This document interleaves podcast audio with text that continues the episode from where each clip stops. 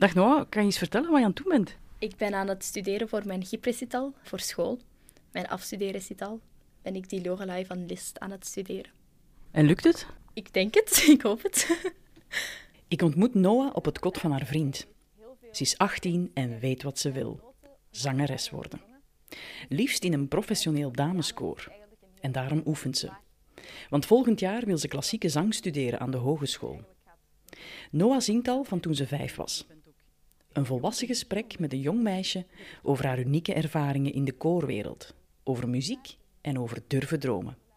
Welkom bij Stemhebbers, met sopraan Noah Kalui. Ich weiß nicht, was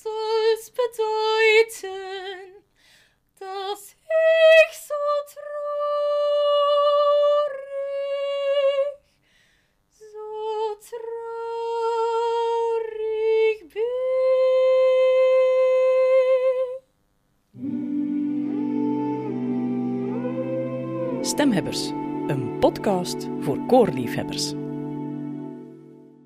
Je bent begonnen op je vijf jaar hè, met Klopt. zingen. Eigenlijk door je papa. Kan je dat eens vertellen? Ja, ik, ehm, ik zong altijd super graag, maar niemand in mijn gezin of familie had een feeling met muziek op die manier. Dus niemand wist goed hoe dat we daaraan moesten beginnen. Maar ik ging graag eh, wandelen naar het parkje bij mij in de straat. En als ik daar op weg naartoe was, dan was er altijd een huis waar dat een ouder koppel, een man die pianist is en een vrouw die zangeres was, ehm, een koortje hadden samen. Met allemaal kindjes uit de buurt. En ik vond dat geweldig. Ik wou zo graag meezingen. Dus ik mocht daar een keertje mee gaan proberen. Want eigenlijk moest je al kunnen lezen. Je moest in het eerste leerjaar zitten. Maar ik zat in het laatste kleuterklasje, maar ik kon wel al een beetje lezen. Dus het was oké om eens te proberen. En het was goed genoeg. Ik mocht blijven. Ja, en weet je nog wat, wat de eerste liedjes dan waren die je gezongen hebt? Ik weet daar niet meer alles van. Ik weet wel dat we zo ooit... eh, I like the flowers. Zo dat liedje, dat hebben we ooit gezongen daar, maar dan meerstemmig. Maar voor de rest weet ik eigenlijk niet meer zo goed wat dat we daar juist hebben gedaan. Mhm. Zeg, en hoe wordt dat dan aangepakt? Eh, jonge kinderen, vijf jaar, eh, die nog eh, niet of amper of een beetje kunnen lezen. Hoe, hoe wordt dat aangeleerd? Wel, dat was vooral... De vrouw was zangeres, dus dat was handig. Die kon alles heel duidelijk voorzingen. En hij kon heel goed begeleiden op piano, want hij was pianist. En we kregen dan eigenlijk vooral teksten, soms met heel makkelijke noten bij, maar nooit te ingewikkelde partijen. En we zongen dat gewoon in groep en zij zong voor en wij zongen na. En zo ging dat eigenlijk vrij organisch, heel vlot. Dat was niet zo moeilijk eigenlijk. Ja, en ben je daar lang blijven zingen bij hen? Ik denk drie jaar. En dan heeft mijn papa een affiche zien hangen eh, bij iemand aan het raam, die ook in het koor zong daar. En die zong ook in het kinderkoor van de Vlaamse Opera. En er hing een poster uit voor audities. En papa dacht, ik schrijf Noah in. Ik heb geen idee wat dat de opera is, want wij luisterden totaal geen klassieke muziek thuis. Ik mij ingeschreven, ik ben auditie gaan doen met twee musicalnummers en ik was erdoor. en sindsdien is mijn passie voor klassieke muziek gegroeid tot waar ik nu sta.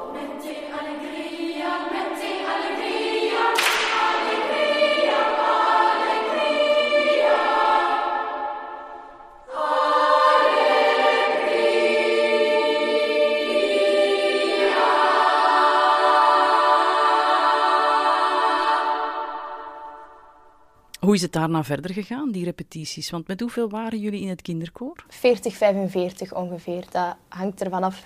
Elk jaar gaan er een paar weg en komen er nieuwe bij, maar we waren wel altijd met vrij veel. En hoe streng was dat? Het viel wel goed mee. Allee, hij, hij was streng maar rechtvaardig, laten we het zo zeggen. Hij was wel altijd, als iets niet goed was, dan was het niet goed en dan werd dat ook wel gezegd. Maar er was ook wel meer dan genoeg ruimte voor complimentjes en voor... Ja, er werd ook gezegd dat het wel goed was. Dus dat was wel fijn. Eh, De repetities waren altijd... Ik denk dat we een uur en een half repeteerden ongeveer met iedereen. Dan hadden we een pauze, gezamenlijk, en dan gingen we nog een beetje repeteren. Dus dat was ja, super fijn. Gewoon allemaal in de kantine. En je maakt daar ook echt vrienden voor het leven. Hè, want je, je zit elke week zoveel samen. Dus ja, dat is heel fijn. Vrienden voor het leven, zeg je, dus die zijn er dan nog. Die zijn er nog, ja, zeker wel. Ja, Ik heb eh, twee hele goede vriendinnen daaraan overgehouden. Waar we, we waren de laatste jaren met de drie oudere meisjes dan. Dat waren dan, ik en dan zij twee, Merel en Katrijn. En wij hebben ook samen in het kerstconcert ehm, ja, zo de drie solorollen vertolkt. En in de jaarzager ook ons afscheidsconcert. En zeker daar hebben wij echt een hele, hele hechte band nog eens gekregen, omdat we nog eens zoveel uren bovenop de wekelijkse repetities samen zaten. Dat is echt gek.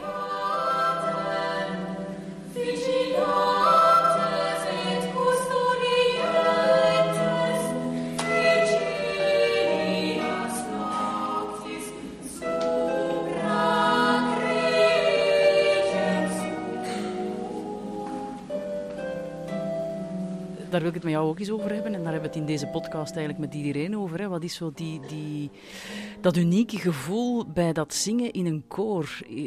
Kan je dat eens beschrijven? Wat, wat doet dat met jou?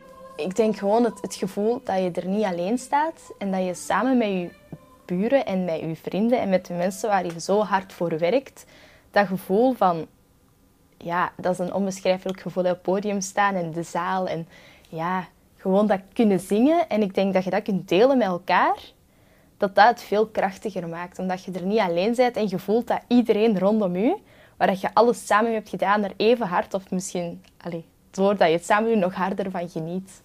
Dus ik denk vooral het, het, dat je elkaar echt steunt in heel het gebeuren, dat dat het mooie is.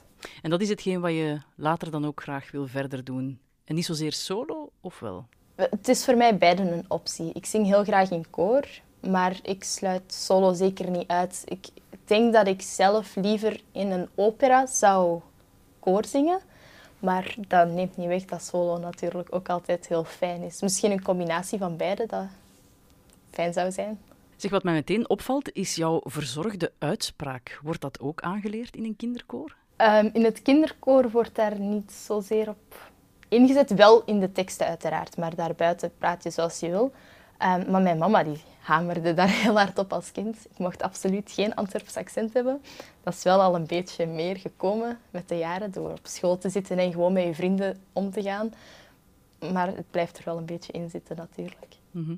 Nu, ik vraag dat omdat onze vorige gast, hè, Sebastiaan van Steenbergen, uh, die we gesproken hebben, die hield een pleidooi voor verzorgde taal en uitspraak bij kinderen en jongeren. Um, kan je dat volgen? Ik kan dat zeker volgen. Ik denk dat dat een goede basis is om van te beginnen. En ik ben zeker niet voor het altijd algemeen Nederlands spreken. Ik vind dat het perfect oké is om in bij bepaalde kringen om gewoon die dialect te spreken. Maar ik denk dat het wel belangrijk is dat je het kunt. Dat op het moment dat je iets moet presenteren of dat je op een belangrijk moment met mensen moet communiceren, dat je elkaar toch kunt verstaan. Dat het niet allemaal in dialect is, want dan kunnen er soms wel problemen komen, denk ik.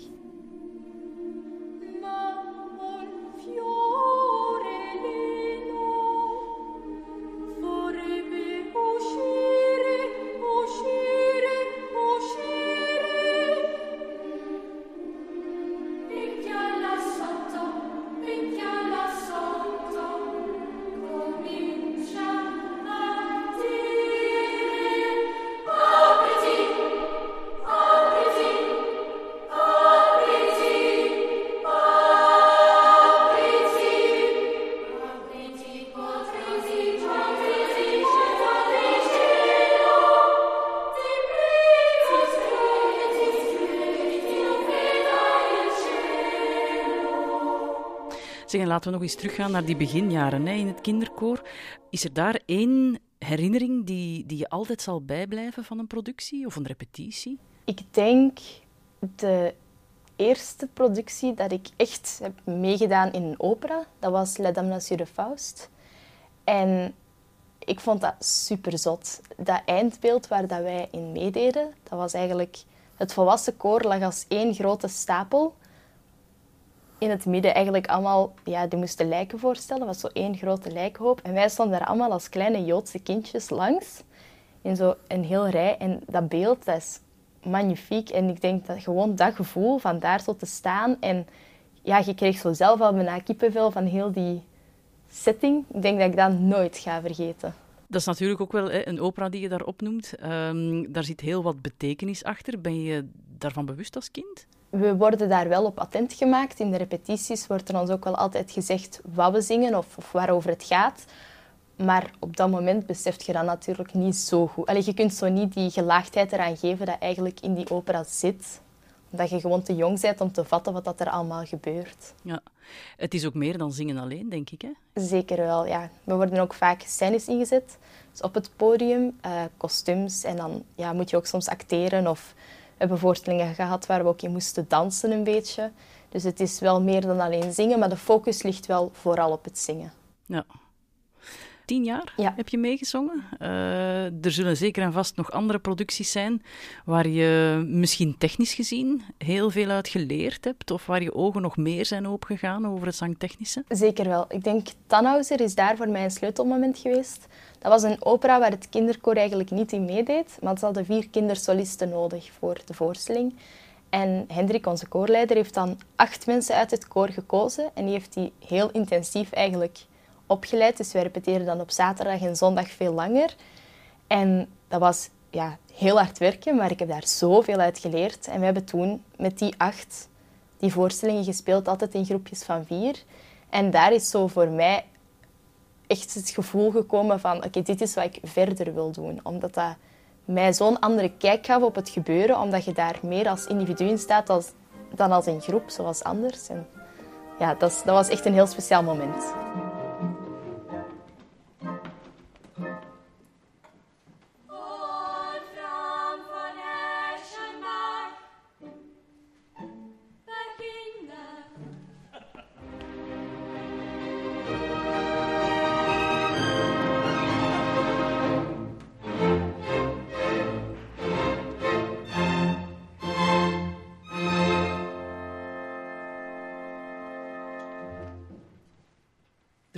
Eindpunt dan aan het, uh, de jaren in het kinderkoor. Um, heeft dat dan te maken met de stem die ook bij meisjes dan verandert, niet alleen bij jongens? Ik denk sowieso beide wel. Een, een vrouwenstem evolueert ook heel hard en wordt veel volwassener. En dat matcht niet meer met de klank van een kinderkoor. Maar ook gewoon lichamelijk verander je iets te hard om op je twintig nog te kunnen meezingen in een kinderkoor. Als je kijkt op alle foto's en alle dingen dat wij doen, als je ons op één rij ziet staan, is het heel raar als daar ineens een volwassen vrouw zou tussen zitten van 20, tussen een kindje van ja, 7 en 10 en 12. Dat valt gewoon te hard op. Dus het, het totaalplaatje klopt niet meer. Maar toch kan ik me inbeelden dat dat niet zo'n fijn gevoel is dat je daar afscheid van moet nemen. Dat was zeker geen fijn gevoel. Ik heb uh, heel veel geluk gehad wel met mijn afscheid. We hebben als laatste productie Der Ja-zager gedaan van Kurt Weill. En daar hadden we dan met mijn twee goede vriendinnen, het koor, hadden wij daar de rol van de drie studenten. Die dat eigenlijk een solo ja, trio vormen. Dus het is zoiets tussen een trio en, en drie solisten. En we hebben daar super hard naartoe gewerkt. En dat was ook gewoon een prachtig afscheid. We hebben daar ja, ook nog eens een hele andere kant leren kennen van het gebeuren. Omdat we daar weer meer als volwassen personen werden behandeld.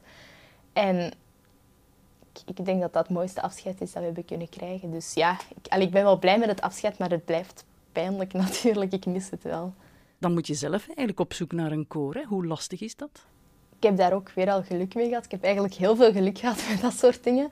Um, want op de kunstmajora heb ik twee leerkrachten. Kira Kuiper, dat is mijn zangleerkracht. En Patrick Windmolders, die gaf mij koor, uh, groot koor op school. En die hebben samen een vocaal ensemble, Reflection.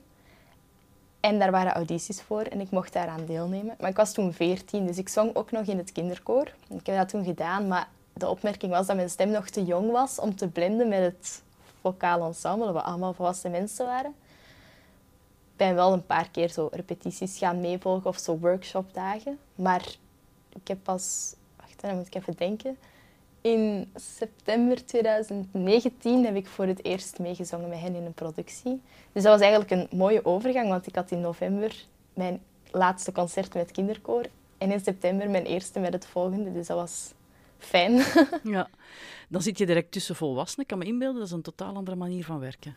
Ja en nee, omdat het in het kinderkoor sowieso werd er wel echt geopperd voor professionaliteit tijdens de repetities. En daarbuiten was er veel plaats en tijd om kind te zijn. Dat heb ik zeker niet gemist daar. Maar ja, je moest wel professioneel zijn. Dus op zich viel dat wel mee. Maar ja, het, het gevoel om als 14-jarige tussen volwassenen te zitten, was wel eerst heel gek. Ik ben blij dat ze mij daar nooit als kind hebben bekeken. En die zo van, ja, maar jij bent maar 14, dus je bent minder belangrijk. Of zo, dat gevoel heb ik daar nooit gehad. Je gaat anders naar een repetitie. naar dat soort uh, koren, denk ik. Hè? Veel beter voorbereid, omdat in het kinderkoor krijg je je partij op de eerste repetitie en je studeert die samen in. Op zo'n soort repetities verwachten ze dat je je partij eigenlijk al kent op het moment dat je naar de repetitie komt. Dus dat is wel een groot verschil. Er wordt veel meer van jezelf verwacht.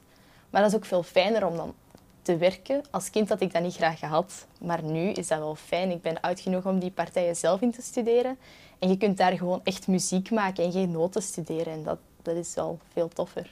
Maar dat betekent dat je thuis die voorbereiding alleen doet. Ik kan me voorstellen dat je dan soms eens lastige partijen of, of stukken tegenkomt dat je denkt van oei, hier kan ik toch even niet verder. Ja, we hebben zo met Reflection dan een, een uh, muziektheatervoorstelling gespeeld. Allee, we wouden die spelen, we hebben de première gespeeld en toen kwam corona. Dus dat is een beetje jammer. Ehm, en dat was nieuwe muziek gecomponeerd voor die voorstelling. En dat was niet de simpelste muziek.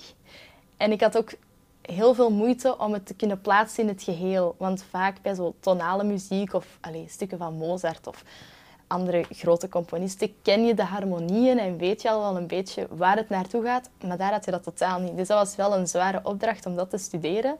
En de eerste repetitie had ik ook al echt het gevoel van wow, wacht, ik hoop dat ik dit goed genoeg gestudeerd heb. Want in mijn hoofd kwam het zo helemaal niet uit zoals ik het gedacht had. Dus ja, dat gebeurt wel. Ja, natuurlijk, ja, die nieuwe muziek, dat is altijd uh, zeer lastig, hè?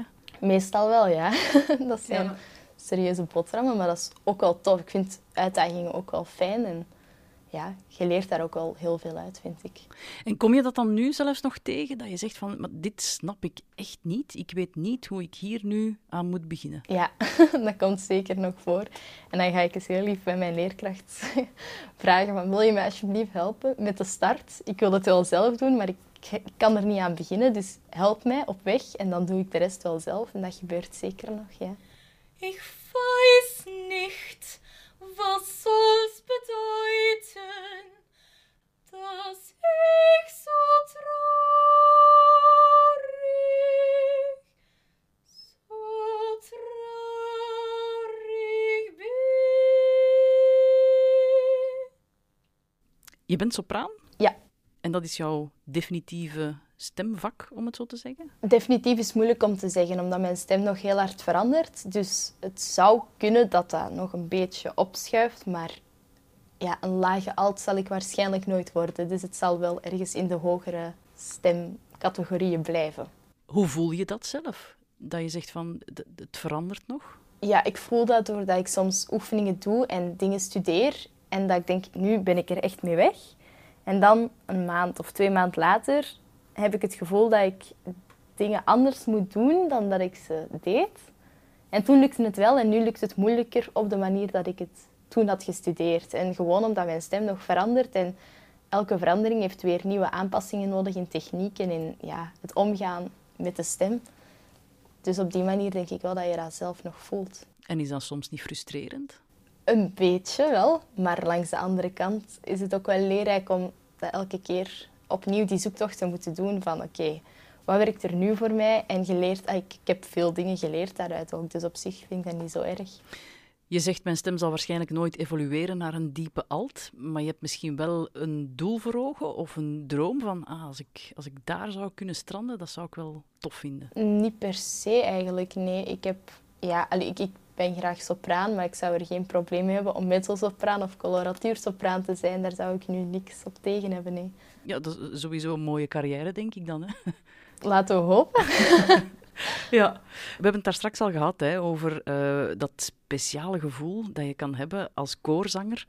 Dat je zo weet van wauw, dit, dit is iets wat... Dit is nu de definitie van samen musiceren. Ik denk Parsifal is daar een heel mooi voorbeeld van. Dat is een opera die ik twee keer heb gespeeld met Opera Vlaanderen zelf en één keer in samenwerking met NT Gent. Um, en wij zingen daar als kinderkoor eigenlijk zo de engelenstem, die van boven op het vijfde balkon naar beneden komt. Maar dat wil ook zeggen dat je een, een visie hebt eigenlijk over het volledige podium en een deel van de zaal. Dus je kan veel meer de beleving volgen zoals dat de mensen het kunnen zien dan als je als artiest op een podium staat en je zo allemaal hoofdjes in de zaal ziet, maar je geen idee hebt hoe dat, dat bij hen binnenkomt. En wij stonden dan ook vaak echt naast het publiek. En dan met heel dat koor ja, dat is prachtige muziek, hè, Parsifal. Dat kunnen zingen. En dan de beleving van wat je ziet op het podium, plus het gevoel van de mensen die dan naast u en voor u zitten in de zaal, dat is heel machtig. Om dat binnen te voelen komen, dat is een heel mooi gevoel.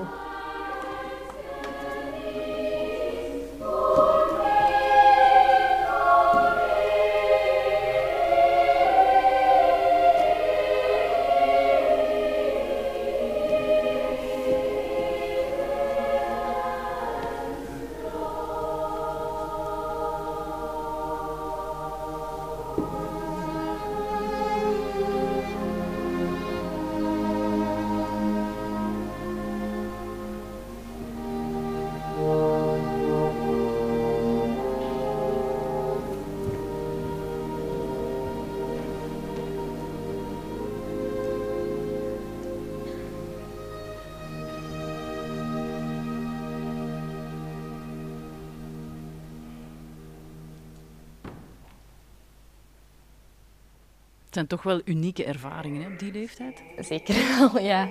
Dat is zot. Allee, op dat moment besef je dat eigenlijk niet, omdat dat, dat is normaal. En alle kindjes in je omgeving daar, die maken net hetzelfde mee. Dus voor ons was dat redelijk normaal. Maar als ik daar nu op terugkijk, dan denk ik soms wel van wauw. Wat ik allemaal heb mogen doen daar, is eigenlijk wel zot. En hoe gaat dat dan als je dan uh, klaar bent of je moet het podium af? Is dat dan één grote euforie in de, in de kleedkamer? Soms wel, soms niet. Dat hangt er ook vanaf hoe dat de prestatie was. We hebben uiteraard momenten dat we denken, oh, dat hadden we al beter gedaan. Maar meestal zijn we wel heel blij dat het goed is gegaan. Achteraf krijg je dan vaak ook uh, kritiek of opmerkingen, positief, negatief, van, uh, van de dirigent. Hoe leer je daarmee omgaan? We leren eigenlijk vooral om ons dat niet persoonlijk aan te trekken en wel om die kritiek mee te nemen en om daarop te letten. We hebben ook al het voordeel dat Hendrik daar heel goed mee omgaat en dat hij dan ook echt voor de volgende voorstelling met ons nog een paar kritieke puntjes bekijkt voordat we het podium opgaan. Zodat we eigenlijk altijd wel met ja, een goed gevoel eraan kunnen beginnen en dat we ook wel weten van oké, daar moesten we op letten, daar moesten we op letten en dat gaat dan ook wel veel vlotter. -hmm. Heb je een favoriet koorwerk? Ik denk het Warwick van Britain. Vind ik prachtig. Dat is um, voor ook met een volwassen koor en een kinderkoor en een groot orkest en een kamerorkest en solisten. Dus dat is een vrij grote bezetting. Ik heb dat werk twee keer gezongen en ik, ja, kiekenvel tot en met. Echt waar. Dus dat is, dat is ja, iets dat ik hoop ook ooit als volwassen koor te kunnen meezingen, omdat dat gewoon prachtige muziek is. Heb je een favoriet deel? Het Lacrimosa, dat de sopraan zingt. Maar daar heeft het kinderkoor geen aandeel in, jammer genoeg. Maar dat is, ja, de sopraan zingt daar eigenlijk een solo en het koor creëert zo'n dikke, warme klanklaag onderaan om dat zo te steunen. En dat is ja, echt heel, heel mooi. Een aanrader om naar te luisteren. Je zal zeker en vast ook met um, de hele echte klassieke componisten geconfronteerd worden, nu zeker vanuit je opleiding ook.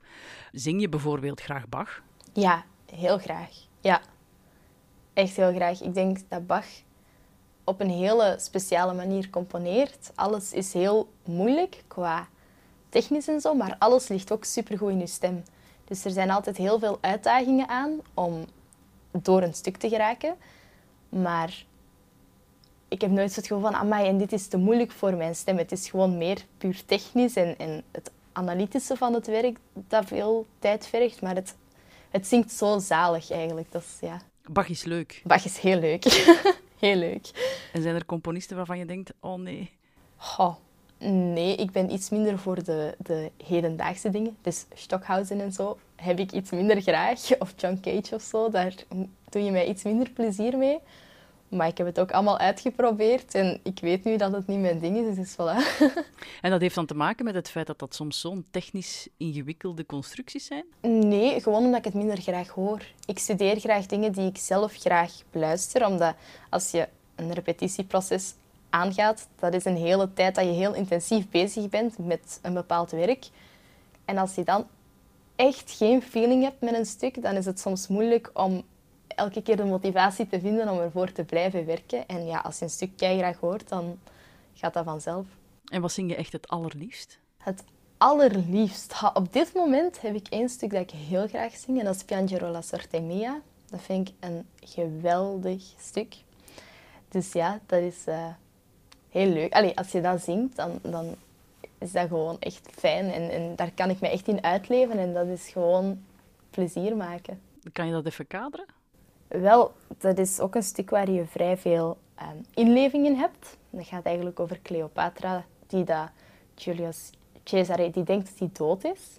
Hij is niet dood, maar ze denkt dat wel. En dat is eigenlijk haar klaaggezang slash zo strijd, omdat ze hem heel hard mist en ze kan niet aanvaarden dat hij dood is. En het is wat de woede en het verdriet en alles tezamen. En dat is gewoon dat gevoel dat dat nummer, allez, nummer mag ik niet zeggen, hè, dat, dat stuk geeft, dat is echt heel, ja, heel, um, dat raakt u echt of zo, ja.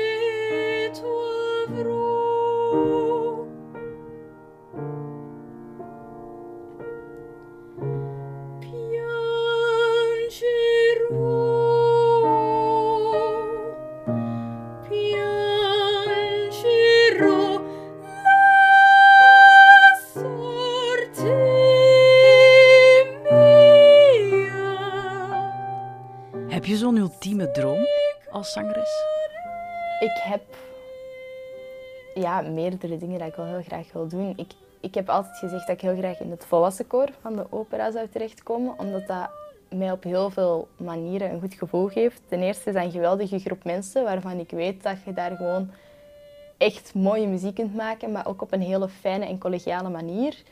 Dat is ook een stukje mijn tweede thuis geworden, de opera. Ja, ik heb daar zoveel tijd doorgebracht dat dat voor mij ook wel gewoon thuiskomen is. Dus ik, ik denk dat dat iets is dat ik wel heel graag zou doen. Maar daar ben ik nu nog te jong voor, dus dat is afwachten. En heb je dan al zo een plan B klinkt misschien een beetje negatief, maar een, een, een, een, andere piste in je hoofd dat je denkt van, goh, dat is toch ook wel iets dat ik graag zou doen? Ik heb veel pistes in mijn hoofd en ik wil het ook gewoon een beetje op mij laten afkomen. Ik, begin, ik zit zelfs nog niet op het conservatorium, dus ik heb nu zoiets van eerst het middelbaar afronden, dan toegelaten worden op het conservatorium en dan zien wat dat er daar op mij afkomt. En ik, ik wil zeker zoveel mogelijk audities doen en dingen op mij laten afkomen en zien wat dat, wat dat mogelijk is. En ik denk dat ik voor mezelf altijd zoveel mogelijk opties heb opengelaten, omdat ik gewoon niet die teleurstelling wou van mijn ultieme droom gaat niet lukken en, en nu weet ik niet wat ik moet doen. Dus ik zie wel wat ik mag en kan doen. Zeg, en stel dat binnen een paar jaar aan het conservatorium je bent het beu en je denkt, goh, wat een idioot plan was dat toch om zangeres te worden. Wat zou je dan eventueel willen gaan doen? Ik denk leerkracht. Ehm, en ik heb ook altijd gezegd, politieagenten lijkt mij geweldig. Maar ja, toch is allee, de liefde voor muziek is te groot om dat niet mee verder te gaan nu. Maar als ik ooit zeg van, dit is het echt niet meer, dit gaat het niet worden, dan of leerkracht, ik denk Nederlands en Engels dat ik dan zou gaan geven. En anders politieagenten. Politieagenten? Ja. Hoe kom je daarbij? Geen idee. Ik heb dat altijd een heel fascinerende job gevonden. Ik ben er graag voor mensen. Ik help graag mensen.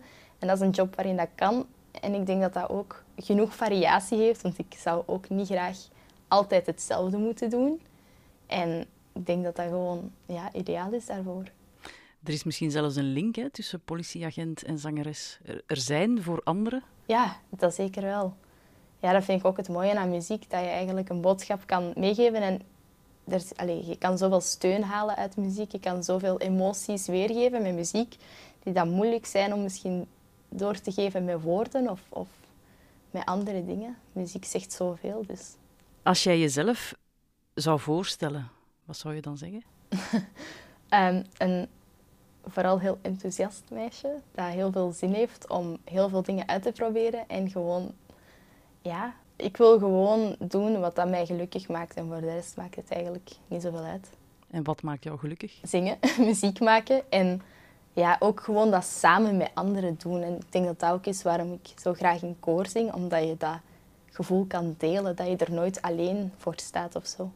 Oké, Noah, heel erg bedankt. Alsjeblieft.